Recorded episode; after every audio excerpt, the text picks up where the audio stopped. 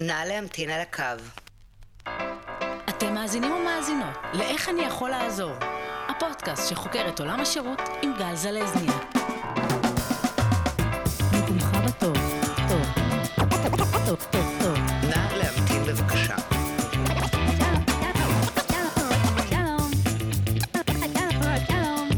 נא להמתין בבקשה. שלישי בין השעות 9 ל-12. שלום, אתן מאזינות ואתם מאזינים לאיך אני יכול לעזור. אגב, ידעתם שיש עדיין מאזינות ומאזינים שלא עשו subscribe לפודקאסט והמליצו לחברים וחברות להאזין? זו הדרך הטובה ביותר להגדיל את קהל המאזינים ולדאוג שנוכל להמשיך להוציא תוכן איכותי. בכל מקרה, אני גל זלזניאק והיום אנחנו מארחים את מימי סימבליסטה, מנהלת תחום קהילה והיערכות לשעת חירום במועצה הישראלית להתנדבות. עכשיו, סביר מאוד להניח שיצא לכם להתנדב. סביר פחות שיצא לכם לשמוע על המועצה הזאת, שהוקמה לפני 50 שנה על ידי גולדה מאיר, בתפקידה לתכלל את הפעילות ההתנדבותית בישראל. אז ממש עוד רגע נבין ממימי מה זה בדיוק לתכלל את ההתנדבות, ואיך מצליחים להפוך אותה ליעילה, על החשיבות שלה בעיתות חירום, ונשמע ממנה גם על הסיוע שהמועצה מעניקה לנמלטי המלחמה באוקראינה. כמובן, שאם למדתם ואפילו נהניתם להקשיב, אל תשכחו לעשות subscribe ולהמליץ לחברים וחברות. אנחנו נמצאים בכל הפלטפורמות הרלוונטיות. בואו נתחיל. שלום מימי, שלום, איך מבטאים את השם שלך? סימבליסטה. סימבליסטה, כמו טיל בליסטי. נכון? את גם נראית כמו טיל בליסטי. לא, לא מראה, כאילו מבחינת האנרגיות, אנרגיות של טיל בליסטי, את כל הזמן מלאת אנרגיה. זה, זה... כן. ו... ומי שמקשיב לפודקאסט יודע שגם כן ראיינתי את אה, אה, בן זוגה, בעלה, איך אומרים? אני לא יודע. מה שתרצה. של אה, מימי, אישי יקר. המשבריסט, אסף שמואלי, ואני מאוד שמח שהיא פה. יש לנו היום נושא מאוד מעניין, אמ, ובואו נתחיל. דבר ראשון, אה, ספרי לי קצת על עצמך. טוב. מאיפה התחלת? לאיפה את הולכת? אני חושבת שהדבר הכי חשוב, אמרת, זה, זה בן זוגי אסף, אנחנו מגדלים אה, שני ילדים מקסימים, כרמל ואילון, בן אה, שש ושמונה, גרים במודיעין, ו- ואפשר לומר שבשמונה שנים האחרונות אני עוסקת בניהול התנדבות, אה, שלזה הגעתי בכלל מחינוך בלתי פורמלי. גדלתי בתנועת הצופים, אחר כך עבדתי. גם אני. גם ככה הכרתי את אסף. שבט שחף, הנהגת שרון. אה, כבר לא קיימת יותר. באמת? רק שרון, נכון, כי כן. עשו- פיצולים. אז. אה, שבט רמת חן, אימפריה. אמ, ומתוך העשייה של החינוך הבלתי פורמלי הגעתי אה, לעשייה בתוך הרשויות המקומיות. כל הנושא של מה שנקרא אה, מחלקת נוער, עבודת עם הנוער, ובתוך זה הייתה אה, תוכנית מקסימה של מנהיגות נוער, של התנדבות נוער, אה, והייתי חלק מהצוות שלה.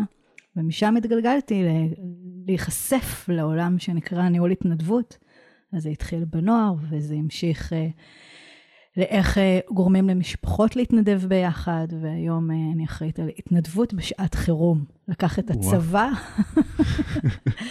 ומביא את הדבר הזה שנקרא עשייה התנד- התנדבותית, סולידרית בחירום. רגע, אז בוא תספרי לי רגע על המועצה הישראלית להתנדבות. כי אוקיי, אני חושב שרוב האנשים, אני לא ידעתי שזה קיים, נכון. אני פשוט התעניינתי בכל מיני דברים שקשורים להתנדבות, והגעתי לזה, מה זה? אז המועצה הישראלית להתנדבות זאת עמותה. צריך להגיד שהיא ממש עוד שבועיים חוגגת 50 שנה. זה לא לא צעיר. ממש לא צעיר. אה, גולדו מאיר אה, הכריזה על אה, הקמת המרכז אה, להתנדבות בתחילת הדרך, אחר כך השם השתנה. ובעצם אנחנו ארגון הגג להתנדבות במדינת ישראל. אנחנו עמותה ממלכתית שגם נתמכת על ידי משרדי ממשלה שאחראים לקדם את ההתנדבות וגם על ידי קרנות פילנטרופיות. ואנחנו מנסים ביחד לחזק את ההתנדבות בישראל, להרחיב אותה. אה, אנחנו לא מפעילים כל כך הרבה מתנדבים, יש לנו, אבל לא במאות, אלא התפקיד שלנו זה לתת את כל הכלים ואת כל התמיכה ואת הידע ואת המחקר, כדי שארגוני התנדבות, כמו שכולנו מכירים, לתת, פתחון לב, ידידים בדרכים, יוכלו להפעיל את המתנדבים שלהם באופן האפקטיבי ביותר, ושכל אדם שרוצה לתת מעצמו ימצא את המקום הנכון. זה התפקיד שלנו. ואתם עובדים רק מול ארגונים? או גם מול פרטיים? אז העמותה היא בעצם בין מגזרית. התנדבות היום היא חוצה אה, מגזרים. אה, היא גם קיימת אה, במגזר הממלכתי, ברשויות מקומיות, שיש שם בעלי תפקידים. יש גם בעסקים, היום כמעט רוב החברות הגדולות במשק, כחלק מהאחריות התאגידית, מצהירה על כך שהעובדים שלה שותפים לעשייה ומתנדבים. וכמובן בארגונים חברתיים, עמותות, שגם בהם יש, עמות, יש מנהלי התנדבות, מתנדבים, ואנחנו מלווים את כל הארגונים ביחד. כחלק מהתפקיד שלי אני מנהלת קהילה, מנהלת קהילת אנשי מקצוע, רמה, רשת מנהלי התנדבות. יש בעצם מקצוע חדש היום בעולם, כן. של לנהל מתנדבים, זה מקצוע, זה, זה פרופסיה. בתכלס, אני חושב שזה אחד הדברים הכי קשים בעולם. כל פעם שהתעסקתי בהתנדבות כלשהי, וזה לא משנה אם זה התנדבות למען הקהילה, או סתם כי, את יודעת, למדתי קולנוע והייתי צריך לעבוד עם מתנדבים, זה, זה, זה זוועת עולם. זה קשה. כן. זה קשה וצריך לדעת לעשות את זה. בסופו של דבר, כשאתה הולך בבוקר לעבודה, אה, יש את המניע הכי פשוט, שבסופו של החודש תיכנס המשכורת. למתנדב אין משכורת בסוף יום, ואנחנו קוראים לזה בעצם, ה, בעצם המוט, הגורם המוטיבציוני אה, שגורם למתנדב להגיע, והסיפור האנושי הזה, לזהות למה המתנדב בוחר לפנות מתוך היום העמוס של כולנו, זמן ולהתנדב ולמצוא את המוטיבציה הזאת, שגם תביא אותו וגם תשמר אותו בתוך העשייה, זאת עבודה מאוד מאוד לא פשוטה, ואנחנו אחראים על להכשיר את אותם מנהלי ההתנדבות, אה, לזהות, לעבוד, לתת להם את הכלים, ובעיקר לשמר את המתנדבים שהם ירגישו שהם בעיקר משמעותיים בתוך העשייה שלהם. אם אני זוכר נכון, אני חושב שזה היה ספר של דן אריאלי, אבל אל תתפסי אותי, שהוא דיבר על זה שכשאנשים עושים דברים טובים, הם מרשים לעצמם יותר.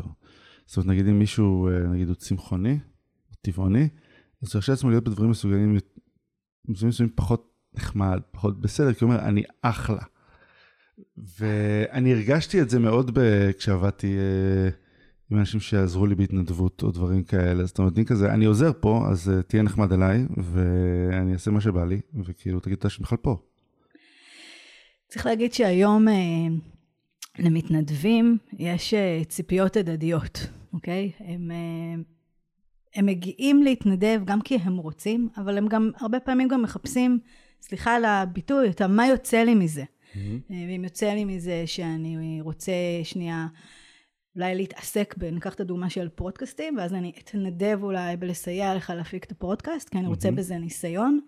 אז אני מחפש בסופו של דבר, מה שמניע אותי, בעיקר את החבר'ה הצעירים, לעשות ולהתנדב ולהיות מעורב חברתית, מעבר לרצון לעשות טוב, יש גם משהו שאני רוצה שנייה עבור עצמי. אה, וזה נראה לי שאתה אומר את, ה, את, ה, את המגיע לי יותר, זה שנייה מהמקום של אני גם חושב, יש ממש מושג, אנחנו קוראים לזה אלגואיזם. אגואיזם יחד עם אלטרואיזם, וממש אני רוצה לעשות טוב בעולם, אבל אני גם שואלת את עצמי שנייה, מה יוצא לי מזה? מה אני אקבל כשאני אעשה את אותה עשייה?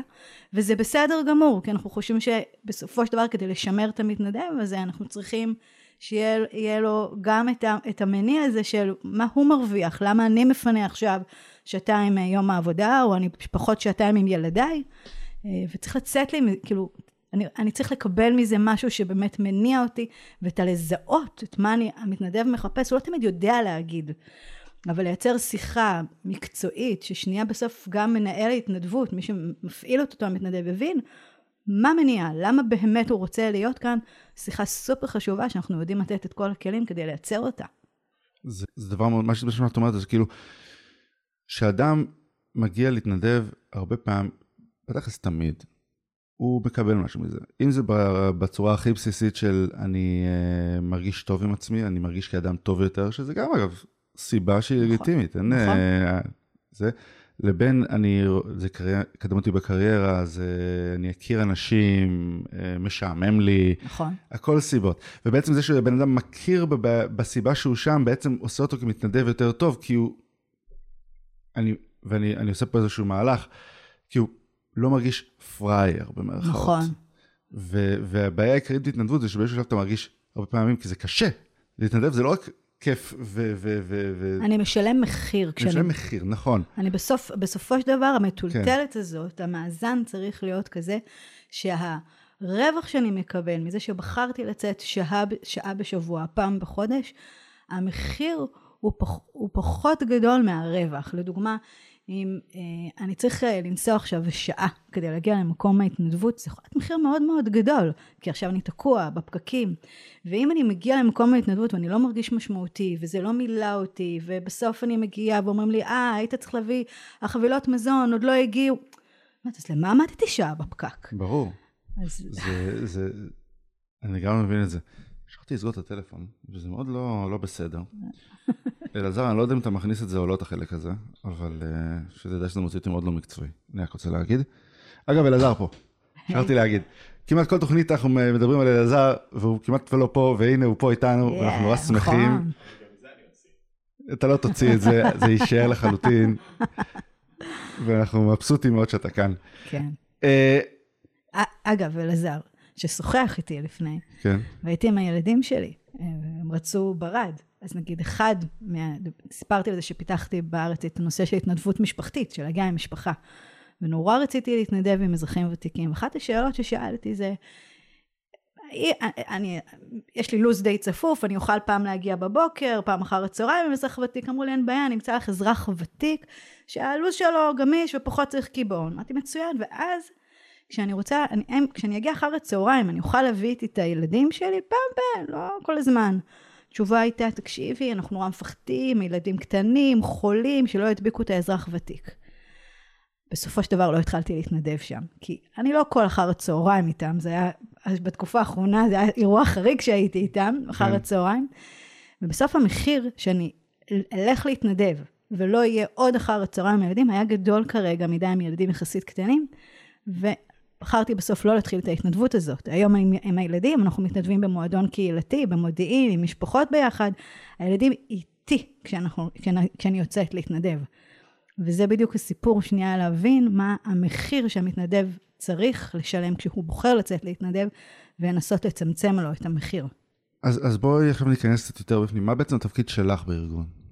אוקיי. Okay.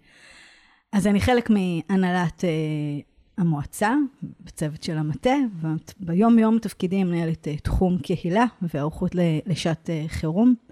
צריך להגיד שהמועצה אה, מאוד ותיקה, אבל לפני כשלוש שנים עשינו לה מה שנקרא רה-אורגניזציה.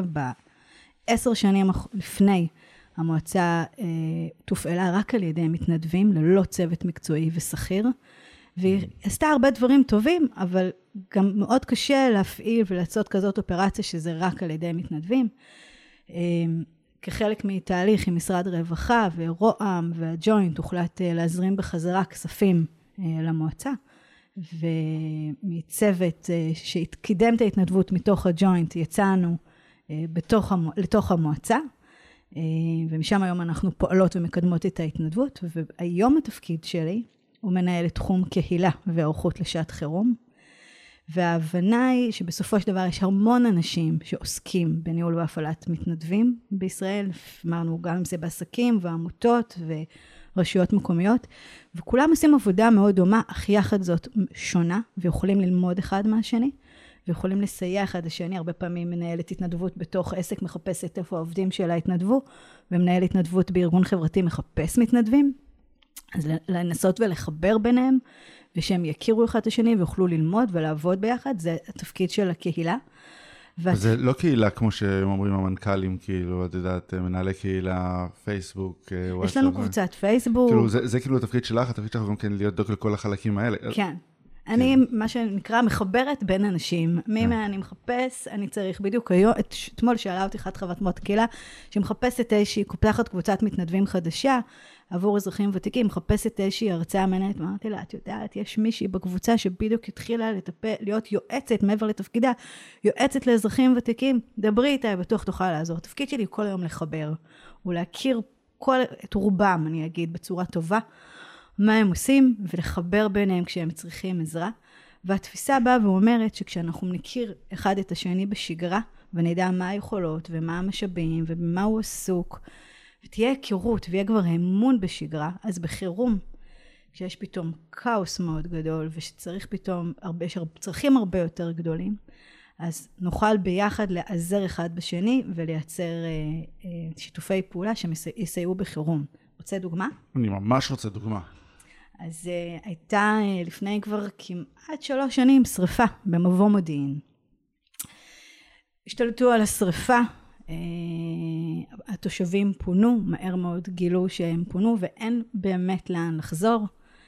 אה, למחרת בשש בבוקר המועצה האזורית הוציאה הודעה לתושבי המועצה של בואו תנסו להעביר תרומות של בגדים, ציוד, כדי שנוכל להעביר לתושבי היישוב. הודעת וואטסאפ היום עוברת מהר מאוד גם להרבה אנשים שלא חלק מהמועצה. ובהודעה יצאה ב-7 בבוקר, 12 אחר הצהריים, כבר כל שטח המועצה, ובאיזשהו שלב הם הועברו לכפר הנוער בן שמן, כל הדשא מלא מלא ציוד מכל עם ישראל הטוב שרצה, רק, רק חיפש איך לעזור. במצב חירום אנחנו מחפשים לעזור. והיה צריך באיזשהו שלב להגיד להם, חברים, סטופ, לא כן. צריך יותר, יש מספיק, אנחנו לא יודעים מה לעשות. ואז בעצם פה נכנסנו, שנייה, להוציא הודעות, כל הרשתות איפה שהיה אפשר, של תודה רבה, אנחנו, תרא, אם אתם רוצים לעזור, אל תביאו ציוד, תירשמו פה, פתחנו גוגל פורם, תירשמו, אנחנו נקרא לכם כשצריך עזרה, וזה מה שקרה.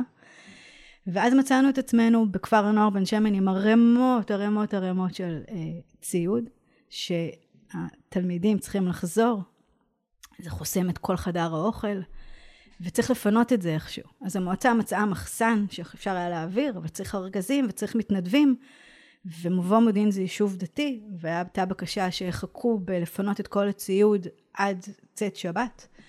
ובעצם אני, סליחה, כן נכנסתי לפעולה אה, במהלך השבת, כי היה צריך למצוא ארגזים, ובטלפון, יכולתי להרים בטלפון למנהלת ההתנדבות של לתת, אמרת לה, יש לכם ארגזים, כי אתם אורזים ציוד, אז פתחנו את ה... הצלחנו לפתוח את המחסן הלוגיסטי של אה, לתת, להוציא ארגזים, ובמקביל גם לייצר קשר עם עוד חברה עסקית ולהפעיל מתנדב שילך להביא, שמייצרת קרטונים, שילך להביא מלהבים קרטונים. קרטונים הגיעו לכפר הנוער, לכפר הנוער בן שמן, במקביל הוצאנו אס.אם.אסים לכל מי שנרשם, אמרנו להם חברים, צאת שבת תשע בערב, תגיעו לכפר הנוער בן שמן, בואו תעזרו לנו לארוז ולפנות את כל הציוד.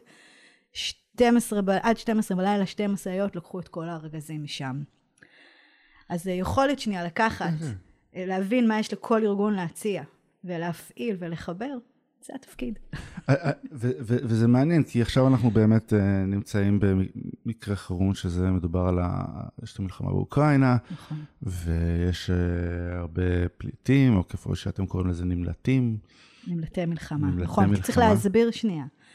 יש, אה, זה מקרה בעצם מורכב, כי מי שמגיע, יש בעצם שני סוגים שמגיעים לארץ, אנשים שהם בעלי זכות אה, שבות, בעלי, יכולים בעצם לייצר עלייה, ויש אנשים שלצערם לא, לא מצליחים להוכיח את יהדותם, והם נכנסים באשרת אה, תייר, ולהם אנחנו בעצם קוראים נמלטי מלחמה. כן. אני חושב שאין הרבה אנשים בארץ שלא... קיבלו באמת את הוואטסאפים של צריך פה, צריך שם, צריך זה, צריך כאן. אבל, אבל למה בעצם, אם יש גוף שמאגד את הכל, למה הוא לא מוציא את הוואטסאפים? למה אני אומר את זה?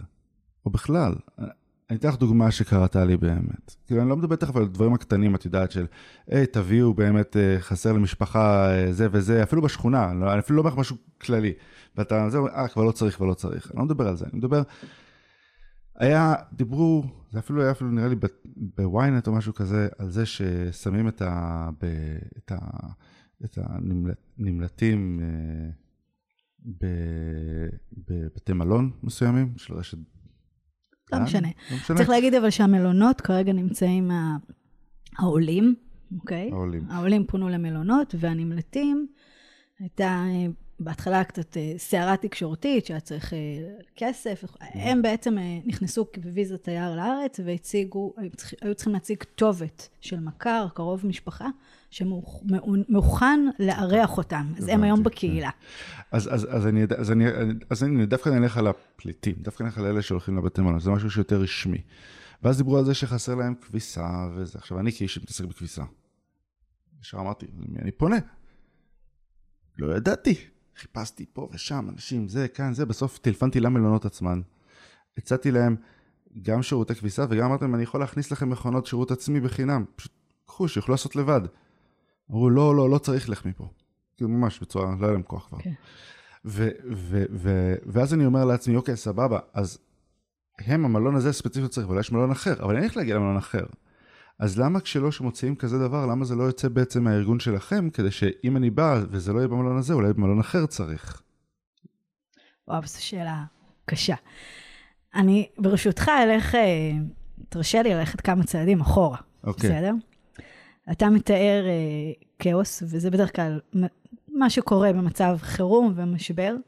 אה, אנחנו מנסים לסדר, אה, לארגן, צריך להגיד, המרחב של העמותות, חברה אזרחית, גם בשגרה מתנהל במין כאוס כזה, העמותה הזאת עושה את זה, וזה עושה את זה. שזה מתנדבים. נפלא, שזה נפלא. אמ, אני חושבת שנקודת המשבר, אה, לפחות עבורי, הייתה אה, מלחמת לבנון השנייה ב-2006. שם ראו את הכאוס אה, בצורה קשה, האי יכולת אה, לחיבור בין חברה אזרחית לבין רשויות מקומיות ועסקים, והיו כאלה, ש... אזרחים שקיבלו מענה ואזרחים שבכלל לא קיבלו מענה. וגם מבקר המדינה, בדוח שלו בסיום המלחמה, אה, ביקר בצורה מאוד מאוד חריפה את ההתנהלות, גם של החברה האזרחית, גם של הרשויות המקומיות, ואמר שנדרש ללמוד איך לעבוד בצורה יותר אפקטיבית ויעילה בשעות אה, חירום בין אה, אותם אה, הגופים. ובשנים, מאז הדוח, אנחנו לאט לאט מנסים לשפר ולהשתפר וללמוד לעבוד ביחד. וצריך להגיד שבתוך הקהילה הוקם, הוקמה פורום ארגונים לשעת חירום, שבעצם אנחנו מכירים אחד את השני, נפגשים בשגרה, לומדים מה היכולות ומה המגבלות של כל ארגון, מנסים אה, להבין איזה אירועי חירום צפויים להיות, ולנסות אה, לתכנן ולתרגל. צריך להגיד שבשנתיים האחרונות אני עובדת בצמוד עם מאיה ענבר, רמ"ד מתנדבים מפיקוד העורף. אה, שתכף משתחררת לצערי, ואני מחכה לפרטנרית הבאה. אה, אבל ביחד אל מול הצבא, פיקוד העורף, שיש לו את האחריות על מה שקורה בעורף בשעת חירום, יחד איתנו כארגון גג, להביא את היכולות ולייצר את ה... למנוע את הכאוס הזה.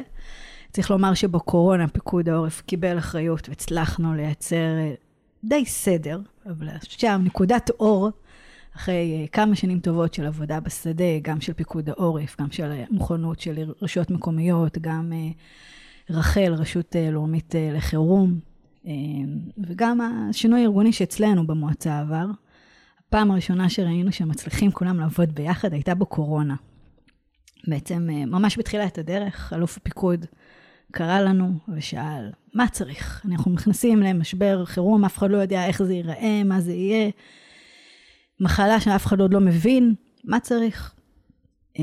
אנחנו כבר התחלנו להפעיל את הפורום ארגונים לשעת חירום, כהיכרות בשגרה.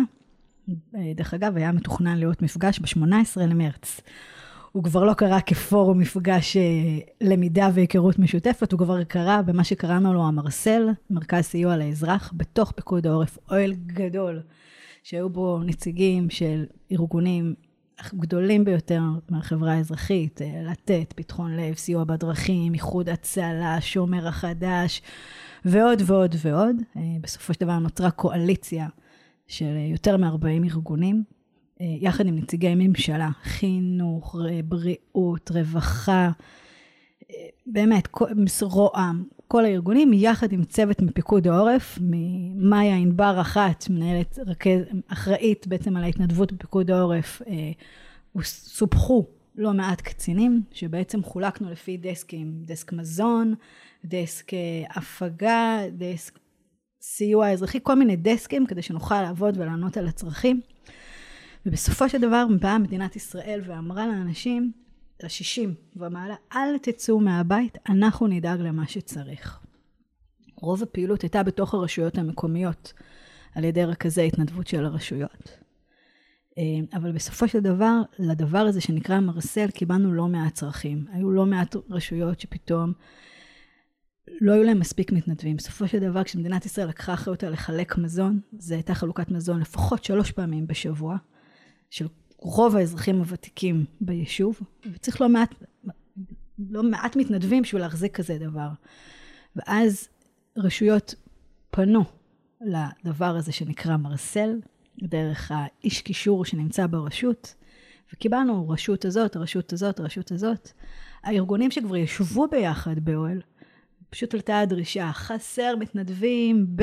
אני סתם זורקת, במזכרת בתיה. למי יש הכי הרבה מתנדבים, גרעין חזק במזכרת בתיה, נוצר חיבור בין, בין הרכז האזורי של המתנדבים לבין רכז ההתנדבות היישובי, וזהו, כבר לא, נפתרה הבעיה. מפה עד סוף, מי, אני יודעת על אמצע מרץ, עד סוף מאי, נגמרה הבעיה. יש כבר מתנדבים, יש חיבור. וזה בדיוק הסיפור של החיבורים. אה, ופה זה אירוע יחסית אזרחי, ואנחנו מצליחים לעשות סדר בחלק מהמקומות, לא בהכל. אירוע אזרחי. כן. מה זה אומר אירוע אזרחי?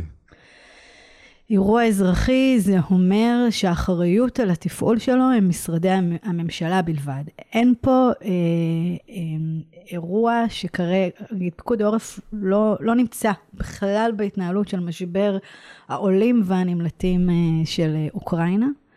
אה, וזה אירוע שבעצם משרדי הממשלה יש עליו אחריות. המלונות לדוגמה שאתה מדבר עליהם זה משרד הקליטה אה, שמתפעל אותם. ועושה עבודה נפלאה, אבל גם יש הרבה מלונות וזה לא פשוט בתוך החירום, ויש כמוך עוד הרבה הרבה פניות. אה, וצריך להגיד שבתוך משבר חירום, כולם רוצים לעשות.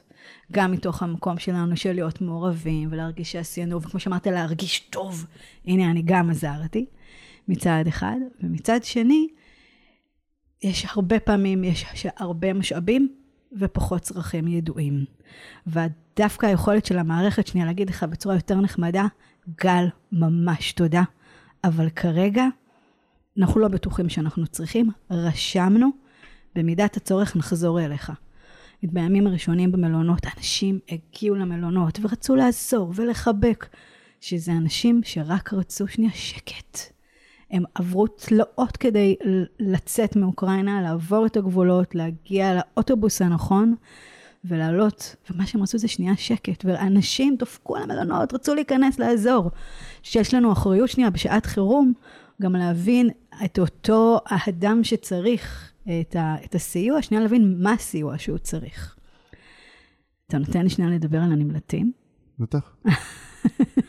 לא, כי אני אגיד לך, אני אגיד לך מה, הסיבה שאני, שאני כאילו, אנחנו הרי מדברים פה על שירות, נכון? בוא, בוא, מה שנקרא, נחזור ל... נכון. לקור. לקור של ה... לקור של, של הפודקאסט בעצם. וכשאני רואה מערכת שעובדת בצורה מסוימת, ואני אומר, היה אפשר לעשות את זה יותר טוב, אז אני תמיד מנסה להבין למה, איפה הבעיה פה. עכשיו, אני מבין שיש אה, איזשהו פער מאוד גדול בין מה שצריך למה שיש, שהוא דווקא הפוך מבדרך כלל. נכון. יש יותר ממה שצריך. עד לפה מובן לחלוטין. מן הסתם אף אחד לא רוצה לעשות. אגב, אני, אני, ב, אני אפתח רק מירכאות, שאני חושב שבמקרה חירום כמו זה, אני חושב שאנשים מרגישים חוסר אונים בגלל שמשהו קורה שם. נכון. הם לא יכולים לעזור. נכון. וזה דרך כלל מתמודד עם החוסר אונות הזה. לעזור פה, הם אומרים שאנחנו עושים משהו, אנחנו אולי לא הולכים ונלחמים, אבל אנחנו פה, אנחנו פה, נעזור. אנחנו נעזור. נכון. אבל רק שנייה, עושים את זה בצד. אבל זה אומר... נכון מאוד. כן, כן. זה, uh, עכשיו, אני, אני אומר כאילו, הרי חירום זה חירום, זה כאוס ידוע. השאלה זה איך אנחנו מתכוננים לזה בזמן שגרה, נכון? זאת אומרת, הרי הבעיה שלי לא הייתה אם היו צריכים או לא צריכים את המכונות כביסה שלי. כאילו, הכל סבבה, לא חייבים, הכל טוב. השאלה שלי הייתה, אני לא ידעתי למי לדבר. והבן אדם שדיברתי איתו בסוף היה מאוד ממוקד, זאת אומרת, דיברתי עם, עם המלון. המלון הוא יודע מה קורה במלון, הוא בעיקר יודע את הלחץ שלו וכמה שאין לו כוח להתעסק בזה, ודי, תפסיקו להתרפק לי, כמו שאמרת, בדפיקות על הדלת. זאת אומרת, אם אני הייתי צריך כאיש שירות לבנות את זה, הייתי בונה באמת איזשהו מוקד מרכזי שיתאים לשעת חירום. שיוכל לעשות הקהילה, זאת אומרת שיוכל להפנות לאיפה שצריך, או להגיד לאנשים, חבר'ה, תודה, אבל לא. הרבה מהאנשים שאני פגשתי פשוט לא ידעו לאיפה ללכת. בגלל זה הם הלכו למלון ודפקו בדלת, כי לא היה להם לאיפה ללכת. נכון, אז אז משהו שעשינו דווקא עבור אה, הנמלטים. אוקיי? התפיסה הייתה שהעולים מקבלים שירותים מה, מהמדינה, ובסוף, כן, יהיה בסוף לעת המתנדב שיעזור להם ללכת ולהסדיר את הדברים מול הבנק, אבל רגע, בינתיים הם בתוך המלון, יש את השירותים שהמדינה נותנת להם, הכל, הכל טוב. הכל בסדר. לעומת זאת, אה, בסופו של דבר נכנסו כמעט 14 אלף איש, שהם על ויזה תייר לכמה חודשים בארץ. יש איזה קרוב משפחה, קרובי משפחה שהסכימו לארח אותם, אבל הם הגיעו כמעט חסרי כל. ודווקא פה הייתה ההבנה שכמה שהקרובי משפחה הסכימו לארח, מהר מאוד יצוצו עוד צרכים. ושהמדינה דווקא את זה פחות יודעת לתת, כי הם, הם, הם, הם כרגע, אוקיי? כן. כי הם כתיירים, אבל, נצטר, אבל יצטרכו לעזור. ואז הוקם בעצם כרגע שיתוף פעולה שנקרא מוקד צו השעה, Mm-hmm. שמתופעל על ידי משרד הרווחה, הג'וינט, מד"א, וגם אנחנו, המועצה הישראלית, נמצאים שם.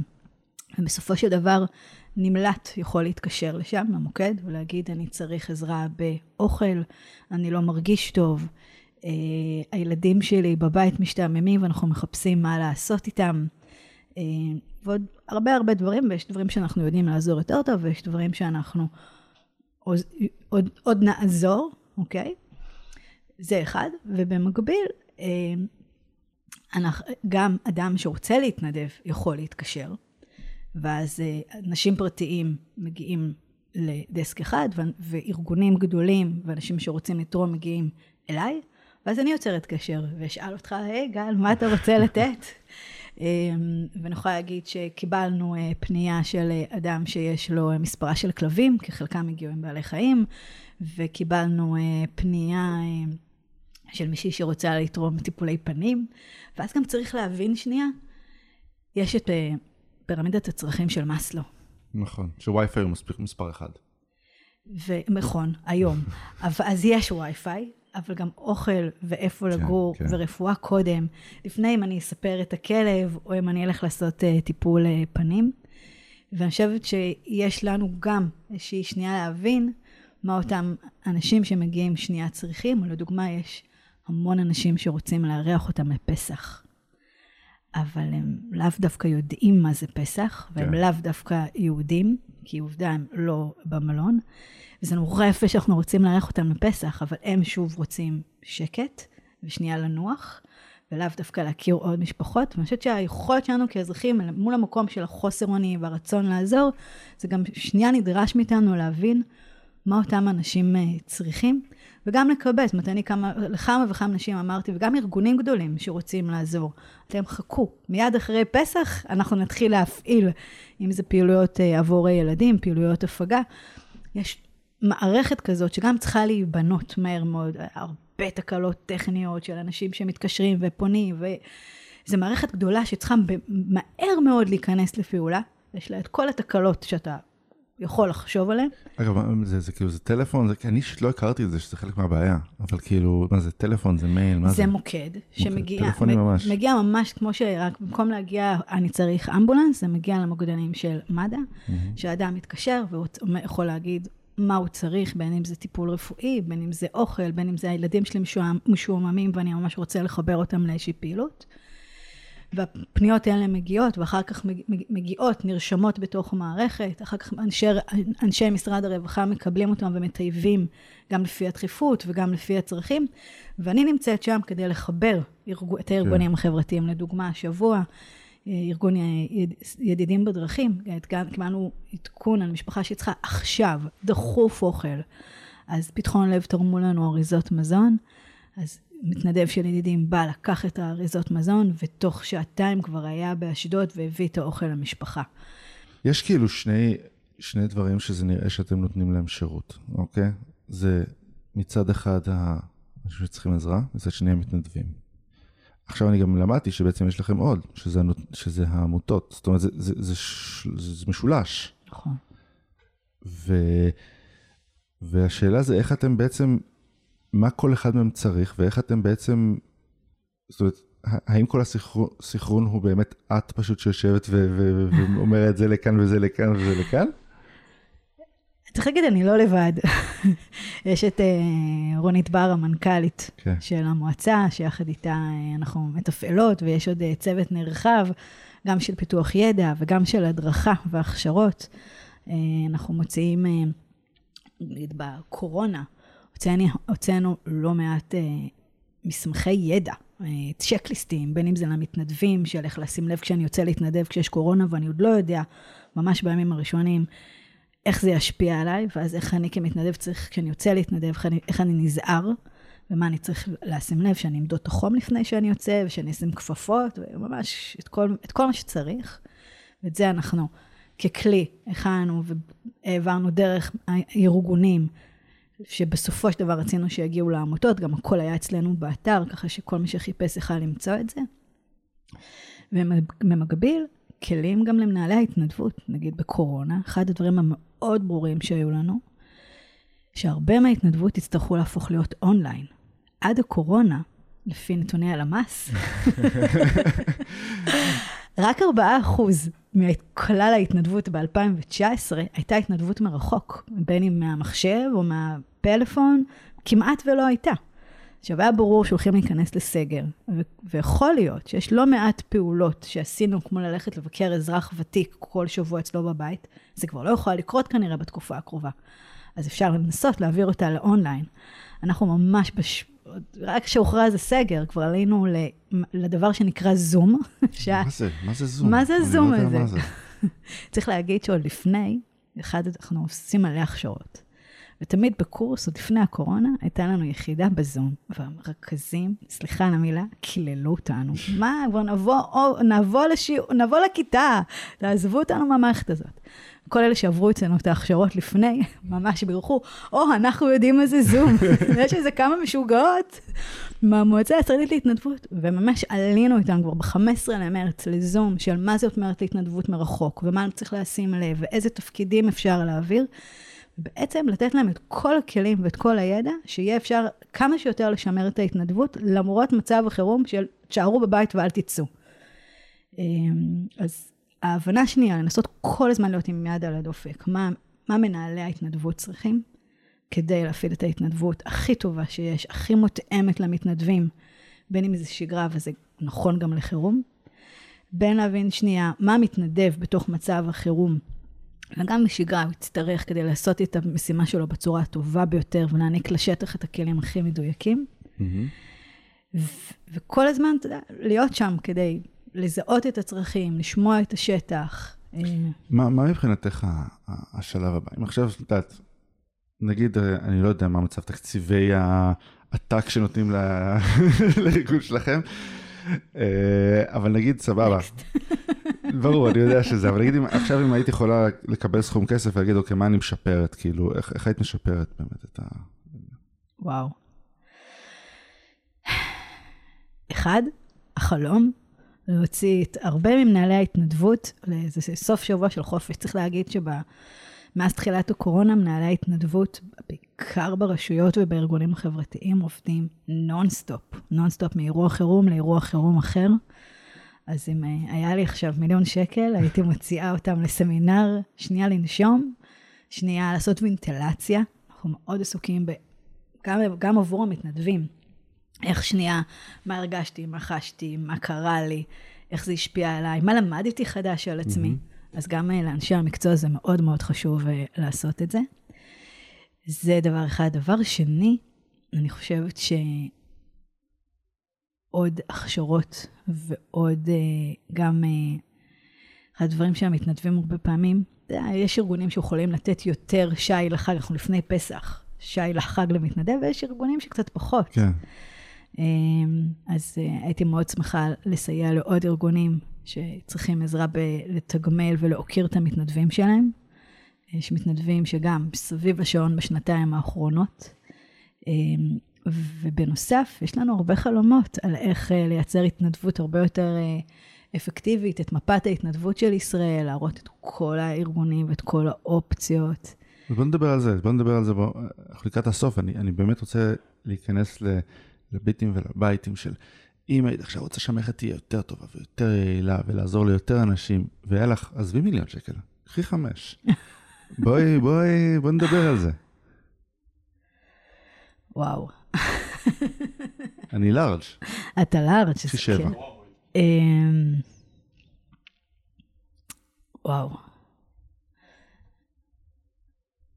אני חושבת שבסופו של דבר, אמ, כמה שיותר. אני חושבת שאנחנו לא, אנחנו היינו, הייתי רוצה שנגיע לכל מי שעוסק היום בעולם ההתנדבות ומפעיל בצורה כזאת או אחרת מתנדבים. והייתי רוצה להכשיר את כולם. אנחנו מגיעים להרבה, אבל, לא, אבל לא מספיק. אמ, והרבה פעמים גם הארגונים נדרשים, אתה יודע, לא, לא לשלם הרבה, אבל כן נדרשים. אה, ואם הייתי יכולה שכולם יעברו את קורס ההסמכה. היום באר, בארצות הברית, לדוגמה, מנהל התנדבות ללא הסמכה, יש ממש אה, תעודה כזאת, כמו של mm-hmm. מהנדס. כן. אז יש אצלנו קורס הסמכה, אין עדיין את המבחן, זה הכיוון, שגם אצלנו בארץ, אבל אם, אני, אם אנחנו נדע שהצלחנו להגיע לכל מנהלי ההתנדבות, בכל הארגונים החברתיים, אה, ולהכשיר אותם ולהסמיך אותם לנהל את ההתנדבות, מבחינתי זה יהיה מדהים. צריך להגיד שדווקא ברשויות מקומיות, אה, חלק מהסטנדרט הוא שאתה לא יכול לסיים שנה בתפקיד בלי שעברת קורס אה, הסמכה. של בין אם זה משרד הרווחה או משרד החינוך, תלוי, תלוי איפה אתה, מאיזה תחום אתה מתעסק. ואנחנו חלק ממערכת ההכשרה הזאת, אז שם נגיד יותר קל, אבל בארגונים חברתיים, לסייע ולעשות אה, את כל ההכשרות לכל הצוותים שמפעילים מתנדבים, וואו. אז התמקצעות. התמקצעות. התמקצעות. ואני חושבת שגם אה, כל הנושא של מחקר, יש המון המון מה לחקור אה, בתחום אה, ההתנדבות. יש, אה, אם מסתכלים שנייה על העולם, יש אה, גם באוניברסיטאות המון המון אה, חוקרים. אה, שחוקרים את, את ההתנדבות בישראל, ביש, ב, ב, סליחה, שחוקרים את ההתנדבות בארצות הברית, באוסטרליה, בקנדה. ישראל יש קצת פחות. אז אנחנו עובדים מהאוניברסיטה העברית ובר אילן, אבל אה, אם היה לי קרן מחקרים והייתי מצליחה לעודד עוד חוקרים לחקור את עולם ההתנדבות ולהכניס את זה כ, כעוד קורס אקדמי, ואם דיברנו על בין מגזריות, אז לא רק בעבודה סוציאלית, אלא גם בחינוך ובמשפטים ובכלכלה. כי בסופו של דבר, גם להתנדבות יש ערך כלכלי, שגם כן. אותו צריך להבין. אז אם היה לי כסף, נראה לי שאת זה ואת זה הייתי עושה. ומכונת קפה. אמ, אוקיי, ועכשיו דברים טכניים חשובים. אה, כמו שאמרת, הרבה אנשים רוצים לעזור, לאיפה הם צריכים לפנות? לאתר של המועצה הישראלית להתנדבות. להשאיר לנו מייל, ואנחנו מבטיחים אה, לתת לכולם את המענה בדיוק לאן, בין, ועושים את זה. יש כאלה שרוצים לצאת למשלחות באוקראינה או לגבולות, אז אנחנו מפנים אותם לשם. או, אם ממש רוצים לפליטים כרגע, אז לכוכבית 5130, ולהגיד שרוצים אה, לתרום, ובסוף בסוף ההודעה תגיע אליי, ואני מבטיחה לחזור לכולם. ו- ואם, אה, וכל האנשים הפרטיים שיש להם, אה, את יודעת, אה, את יודעת, באמת אלה שיש אצלם בבית את ה... זה, ו... את הציוד עכשיו? או כל האנשים שיש להם זונות פרטיות שהם לא ארגונים. יש לי, כדאי להם לפנות אליכם או שימשיכו לעבוד פרטי? אחים אני מציע, כמעט היום בכל הרשויות המקומיות יש מנהל התנדבות. תחפשו באתר העירייה מי מנהל ההתנדבות וצרו איתו קשר, הוא צריך עזרה, הוא צריך סיוע באוכל, הוא בטוח צריך סיוע, זה בתוך הקהילה, זה בתוך הרשות המקומית, ותפנו אליהם. הם ידעו הכי טוב לכוון אתכם מה צריך בתוך היישוב שלכם. מדהים. תודה רבה לך. תודה לך, גל. היה ממש מעניין. תודה, תודה. תודה למימי סימבליסטה. על ההפקה יש לנו את אלעזר סלוטקי ועל המוזיקה המעולה עידו מימון. אגב, ספוטיפיי התחילו לתת למאזינים לדרג פודקאסטים כמו אפל פודקאסט, אז אם נהניתם מהפרק, אל תשכחו לדרג אותנו באפליקציית הפודקאסטים שלכם. וכמובן לעשות subscribe, ולספר לאנשים שאתם חושבים שיכולים להפיק ממנו תועלת. לזמנים יותר קלים ופחות מלחמות, תודה רבה שהאזנתם.